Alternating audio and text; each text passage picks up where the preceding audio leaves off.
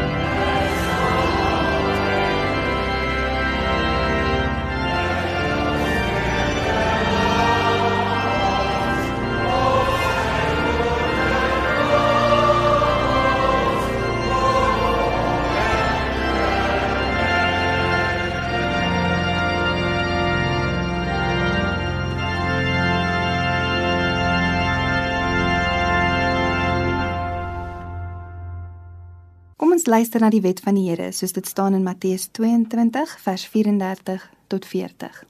Toe die Fariseërs hoor dat Jesus met sy antwoord die Sadduseërs koud gesit het, het hulle bymekaar gekom om 'n nuwe plan teen hom te bedink.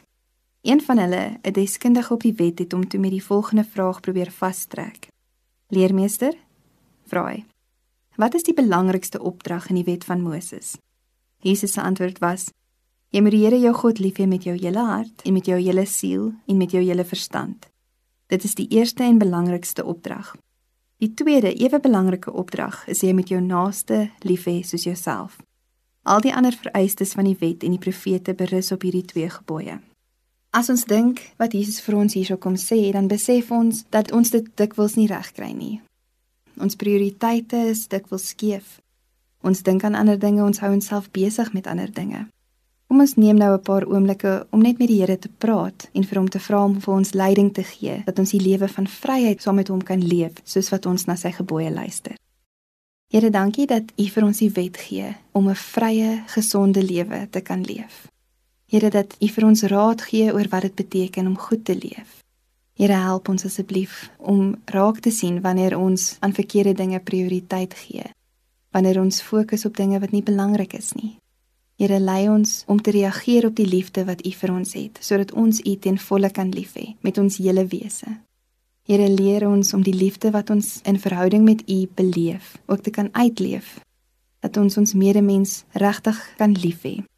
Here dat ons nie onsself en ons eie belange heeltyd eerste sit nie, maar dat ons kan raak sien hoe U ons lei om teenoor ander mense te wees.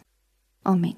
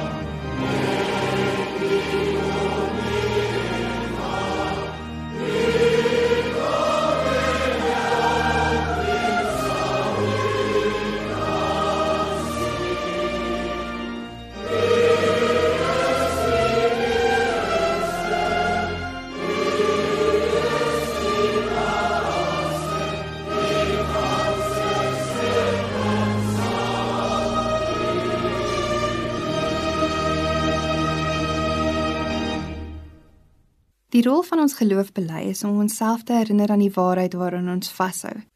Ons laat toe dat dit ons versterk en ons rigting gee. Ons staan ook as geloofsgemeenskap saam en herinner mekaar waartoe God ons roep en wat hy vir ons gegee het om ons te lei. Kom ons bely nou ons geloof saam. Ek glo in God die Vader, die almagtige, die skepper van hemel en aarde, en in Jesus Christus, sy enige gebore seun, ons Here, wat ontvang is van die Heilige Gees gebore is uit die maagd Maria, wat gelei het onder Pontius Pilatus, gekruisig is, gesterf het en begrawe is en ter helle neergedaal het, wat op die 3de dag opgestaan het uit die dood, opgevaar het na die hemel en sit aan die regterhand van God, die almagtige Vader, waarvandaan hy sal kom om te oordeel die wat nog leef en die wat reeds gesterf het. Ek glo in die Heilige Gees. Ek glo aan 'n heilige, algemene Christelike kerk die gemeenskap van die heiliges, die vergifnis van sondes, die opstanding van die vlees en 'n ewige lewe. Amen.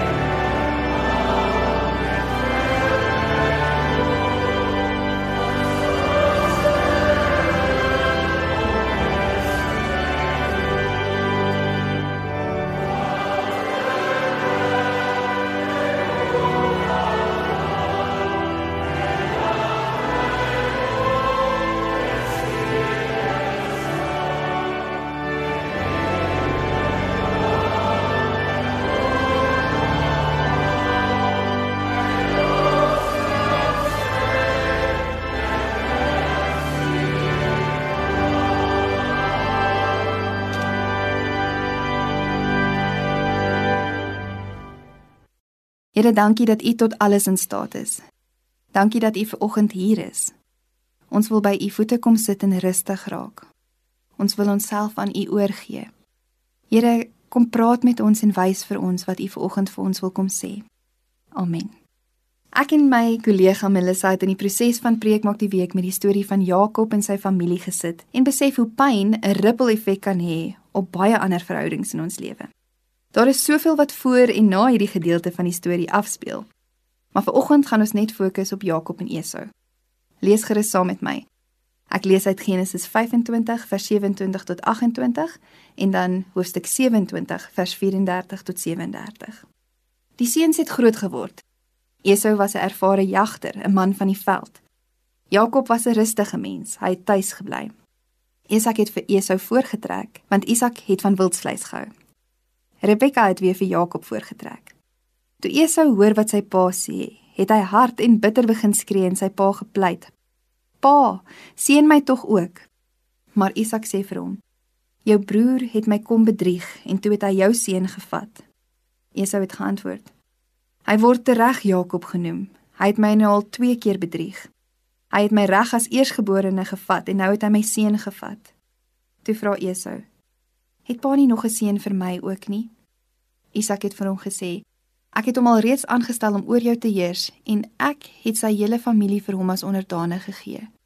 Ek het hom van koring en wyn voorsien. Daar is niks wat ek vir jou kan doen nie, my seun." Ons lees net tot sover. Jakob is verwond van sy paatjie sy broer bo hom. Hy's ook jaloers op sy broer want Esau is die eersgeborene. Jakob is nie geregtig op die status van eersgebore nie. Hy kan nie die groter erfporsie erf wat aan sy broer behoort nie. Hy kan nie die rol van patriarg in die familie oorneem nie. Dit behoort aan sy broer, net omdat hy 'n paar minute vroeër gebore is. En dan sit hy later met die pyn van sy broer wat hom haat omdat hy dit wel van hom afgevat het. Dalk die pyn van wat hy aan sy broer gedoen het. Esau sit self met sy wonde. Hy voel verlies. Hy voel sy broer het hom verontreg al op meer as een geleentheid. Hy verloor alles wat hy nie eens aanvanklik erken het vir hom belangrik is nie. Daar is soveel bitterheid tussen hierdie twee broers. En wat hierdie broers met hulle pyn doen, is krities vir hulle lewe vorentoe. Wat ons met ons pyn doen, is krities vir ons lewe vorentoe. Jy voel dalk vandag vasgevang in jou pyn van 'n verhouding, die pyn wat aan jou toegedoen is die pyn wat oor jou pad gekom het of dit wat deur 'n ouer of enigiemand anders veroorsaak is. Maar die goeie nuus is dat God jou na heelwording kan lei en ten spyte van jou pyn met jou en deur jou bly werk. Daar is hoop in jou pyn opgesluit en saam met God kan jy dit ontdek. Die realiteit is dat ons almal pyn het. Ons almal word verwond deur iets of iemand in ons lewe. Dit is deel van die gebrokenheid van die lewe. Ons is mense Ons kry nie altyd die liefde wat ons nodig het nie en ons kan nie altyd die liefde gee wat nodig is nie. Ons is beperk. Ons is selfgebroke. Ons maak mekaar soms seer omdat ons die eie ek en ons selfsugtige behoeftes belangriker ag as die ander persoon se welstand. Soms is dit nie eers doelbewus nie. Daar is dimensies van die lewe wat ons nie kan ontvlug nie. Hoe ons met dit omgaan is bepalend vir ons lewe. Pyn is een daarvan.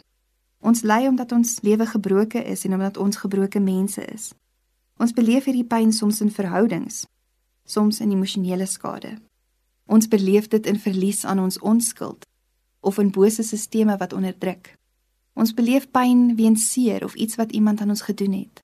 Ons beleef dit soms in iemand se gebrek aan liefde of aan 'n gebrek aan aanvaarding. Ons kan kyk na Jesus se lewe as voorbeeld. Ons sien hoe hy gelei het. Hy het nie net fisies gelei nie, maar ook emosioneel. Sy vriend Lazarus sterf en hy huil. Sy vriende stel hom diep te leer wanneer hulle nie eens kan wakker bly in sy donkerste uur nie. Jesus se lewe kom wys vir ons dat verliese en pyn deel is van ons lewe. Hy bid dat die lydingsbeker hom sal verbygaan, maar dit gaan nie. Mense hanteer hom nie regverdig nie, hulle beledig hom. En Jesus sê in Matteus 24 vers 10: 'n Leerling is nie hoër as sy leermeester en 'n slaaf nie hoër as sy eienaar nie. Ons kan verwag dat ons ook soos Jesus lyding gaan ervaar dat die lewe ook vir ons verliese sal inhou. Maar jy kan vir God vind te midde van die pyn. In jou pyn is daar 'n sleutel tot 'n lewe saam met hom. God werk ten spyte daarvan. God werk met Jakob en Esau se familie ten spyte van die pyn en strewelinge. 'n Mens sien hoe God deur die geslagte met Abraham, Isak, Jakob en Josef bly werk. God bly by hulle in hulle gebrokenheid. Josef word op die ou einde gebruik om 'n volk van hongersnood te red. Daar is 'n paar maniere hoe ons pyn verkeerd hanteer. Eerste is ons ontken dit. Ons gaan aan asof dit my nie raak nie. Ons gaan net aan, byt net vas, alles sal regkom. Jakob het vir 'n lang ruk aangegaan sonder om te erken dat hy die status en aansien en rykdom van sy broer, die eersgeborene, beny. Die tweede ding wat ons doen om pyn op 'n ongesonde manier te hanteer is dat ons dit probeer ontvlug. Jakob verlaat sy broer Esau sonder om eers te poog om dinge reg te stel en is na baie jare steeds 'n senuweewrak om hom weer te ontmoet. Dis makliker om weg te hardloop as om dit te hanteer. Soms hanteer ons ons pyn deur te reageer in woede en in bitterheid. Esau haat sy broer. Hy wil hom terugkry, hy wil hom vermoor. Hy hou 'n wrok. Nie een van hierdie maniere van pyn hanteer lei tot genesing nie. Ons moet bewus word van ons pyn. Dit is die eerste stap op hierdie reis. Ek wonder hoe Jakob en Esau se lewe en hulle families dalk anders sou gelyk het as hulle eers bereid was om bewus te word van die pyn wat soveel dele van hulle lewens infiltreer het. Hoe sou dit anders gelyk het as hulle gestop het en hulle pyn op 'n gesonde manier hanteer het? Die uitnodiging is om anders te dink oor jou pyn. Jou pyn kan lei tot nuwe lewe of dit kan jou keer om voluit te lewe. God werk ten spyte van jou pyn met jou en deur jou, net soos met Abraham, Isak, Jakob en Josef. Maar jy hoef nie net te oorleef nie, jy kan ook groei. God kan dit waardeur jy is gebruik en deel maak van hoe jy sy liefde aan ander oordra. Net jy het jou verwysingsraamwerk. Jy kan op 'n ander manier luister en empatie betoon as iemand wat nie daardeur is nie. As gevolg van 'n mens se pyn kom jy dalk agter jy sit met 'n meegevoel binne in jou wat jy nie eers van geweet het nie. Jy kom agter jy het empatie en woorde vir hierdie persoon wat deur dieselfde is as wat jy is en jy word instrument in God se hande ten midde van jou pyn. Ons kan soos Jakob en Esau ons pyn verkeerd hanteer en toelaat dat dit ons toekoms bepaal. Ons kan 'n klein lewetjie leef, vasgevang in oorlewing, in die sorges van die lewe, in diep bekommernis of ons kan toelaat dat God vir ons help om heel te word. Ons kan ons pyn in verhouding met God hanteer en daardeur groei. God kan ons omstandighede gebruik soos met Jakob se seun Josef tydens die hongersnood. En jy gaan uitvind jy's nie alleen nie. Jy gaan dalk sien dat God met jou en deur jou werk in jou pyn. Jy kan dan ander ontmoet in hierdie pyn. Jy kan ander help deur hierdie ervaring. Nou is die vraag natuurlik, wat doen ek met my pyn? Indien jy pyn nie net wil oorleef nie, maar ook vir God wil toelaat om dit as 'n groeimiddel in jou lewe te gebruik, dan kan jy oorweeg om jou pyn in die gesig te staar en dit op 'n gesonde manier te hanteer. Daar is dus 'n paar praktiese maniere wat mens dit kan doen. Die eerste is verbaliseer jou pyn. Gee vir dit 'n naam. Praat met God daaroor. Praat met mense wat jy vertrou daaroor. Soos wat mens praat oor jou pyn, hoor jy dit ook en begin jy perspektief te kry en dit te verwerk. Die tweede ding wat jy kan doen is voel. Voel wat jy nodig het om te voel, of dit nou woede is en of dit hartseer of teleurstelling is. Geef jouself toestemming om dit te voel. Moet dit nie afmaak as onnodig of swak nie. Moet dit nie minimaliseer nie. Henry Nouwen sê dit so mooi as hy sê mourn for the silence that exists between you and your spouse. Mourn the way you were robbed of your innocence. Mourn for the absence of a soft embrace, an intimate friendship, a life-giving sexuality. Mourn for the abuse of your body, your mind, your heart, Mourn for the bitterness of your children, the indifference of your friends, and your colleagues' hardness of heart. Cry loudly and deeply and trust that your tears will make your eyes see that the kingdom is close at hand. Yes, at your fingertips. Hierdie jaar was 'n besige jaar vir my en my man Tenis. Ons het aan die begin van die jaar 'n nuwe babietjie gehad en toe in Maart getrek en toe net voordat my kraamverlof klaar was, het Tenis 'n ongeluk gehad. Dit was vir ons 'n aaklige ervaring. Ek het besef hoe broos die lewe is. Hy kon dood gewees het. Hy kon verlam gewees het. Hy kon breinskade gehad het. Dit het iets in my verander. Ek wou ewe skielik almal bymekaar en veilig hou. Niemand moes risiko's neem nie. Niemand mag iets doen wat nie deurdink is nie. As iets val, het ek my in 'n toestand ingeskrik. As 'n deur toe klap, het ek die ergste gedink. Ek was so bang dat iets sal gebeur. Dit was vir my ekstra moeilik om my baba by die huis te los en te gaan werk. Ek wou alles beheer en seker maak niemand kom iets oor nie. Ek het nie eens agtergekom hoe hoog my angsvlakke is nie. Ek het gedink ek hanteer alles baie goed. Maar na 'n ruk het ek besef dat daar iets van my pyn is wat ek moet voel en verwerk om gesond te kan funksioneer. Ek moet stop en regtig voel wat ek moet voel. Daardie aand het ek inteen 'n sekere uur en 'n half lank deur alles van die ongeluk en sy tyd in die hospitaal gepraat. Ons het vir mekaar presies verwoord watter pyn ons deurgegaan het. Al my vrese en my angs, al sy skuldgevoel en bekommernisse. Deur dit regtig te voel, het dit begin voel asof dit in die verlede is. Dis nie meer ons realiteit nie. Ek hoef nie met 'n aanhoudende angs te leef en probeer om self te bepaal dat alles oukei okay sal wees nie. Ek kan nie. Deur myself toe te laat om te rou en te voel, hanteer ek my pyn voordat ek byvoorbeeld my angstigheid aan my kinders oordra of toelaat dat dit my verhoudings infiltreer. Wanneer jy tyd spandeer om te erken wat jy voel, doen jy dit nie omdat jy 'n slagoffer is wat nou 'n verskoning het vir hoekom jy die lewe nie regtig leef nie. Jy treur nie sodat jy jouself in jou smarte kan verdrink nie. Die rol van jou wonde erken en met egtheid en eerlikheid voel wat jy moet voel, soos wat jy deur moeiliker herinneringe werk is om gesond vorentoe te kan beweeg.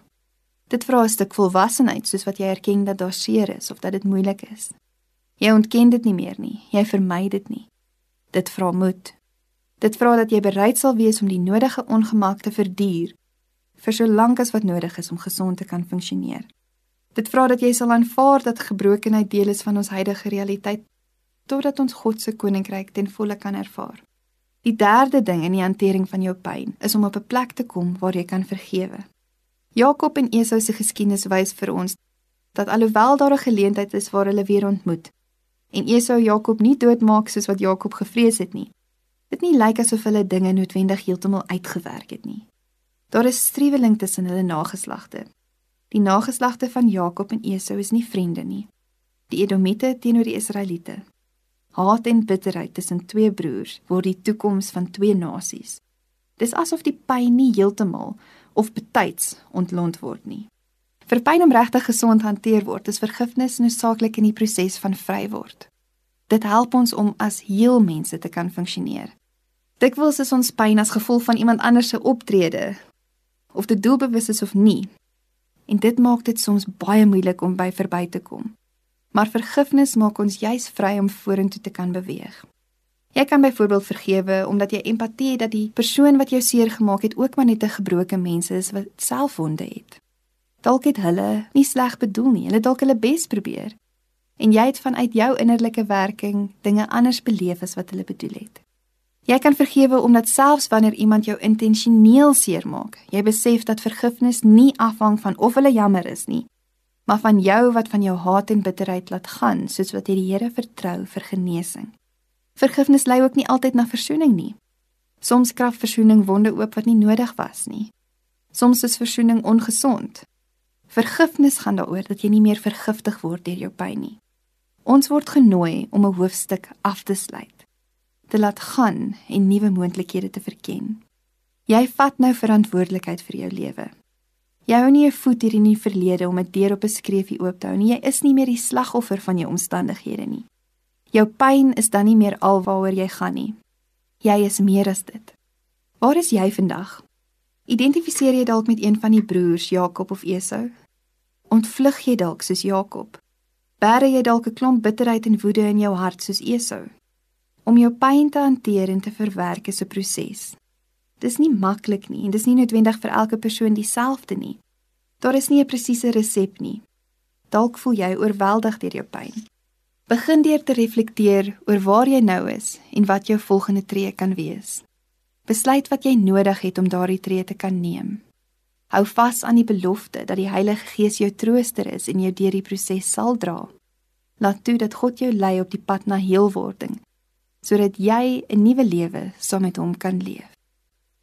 Kom ons bid saam. Here, as ons kyk na hierdie familie, dan sien ons soveel seer en soveel dinge wat verkeerd loop. Here, U bly werk. En so ook wanneer ons seer het, wanneer ons pyn beleef, is U heeltyd by ons. Here, ek bid dat U vir ons sal lei om ons pyn, ons wonde gesond te hanteer. Dat U vir ons sal wys wat ons volgende tree is, wat ons nodig het. Dat U die regte mense oor ons pad sal stuur wat ons kan help Here, dankie dat U die trooster is. Dankie dat U self pyn verstaan.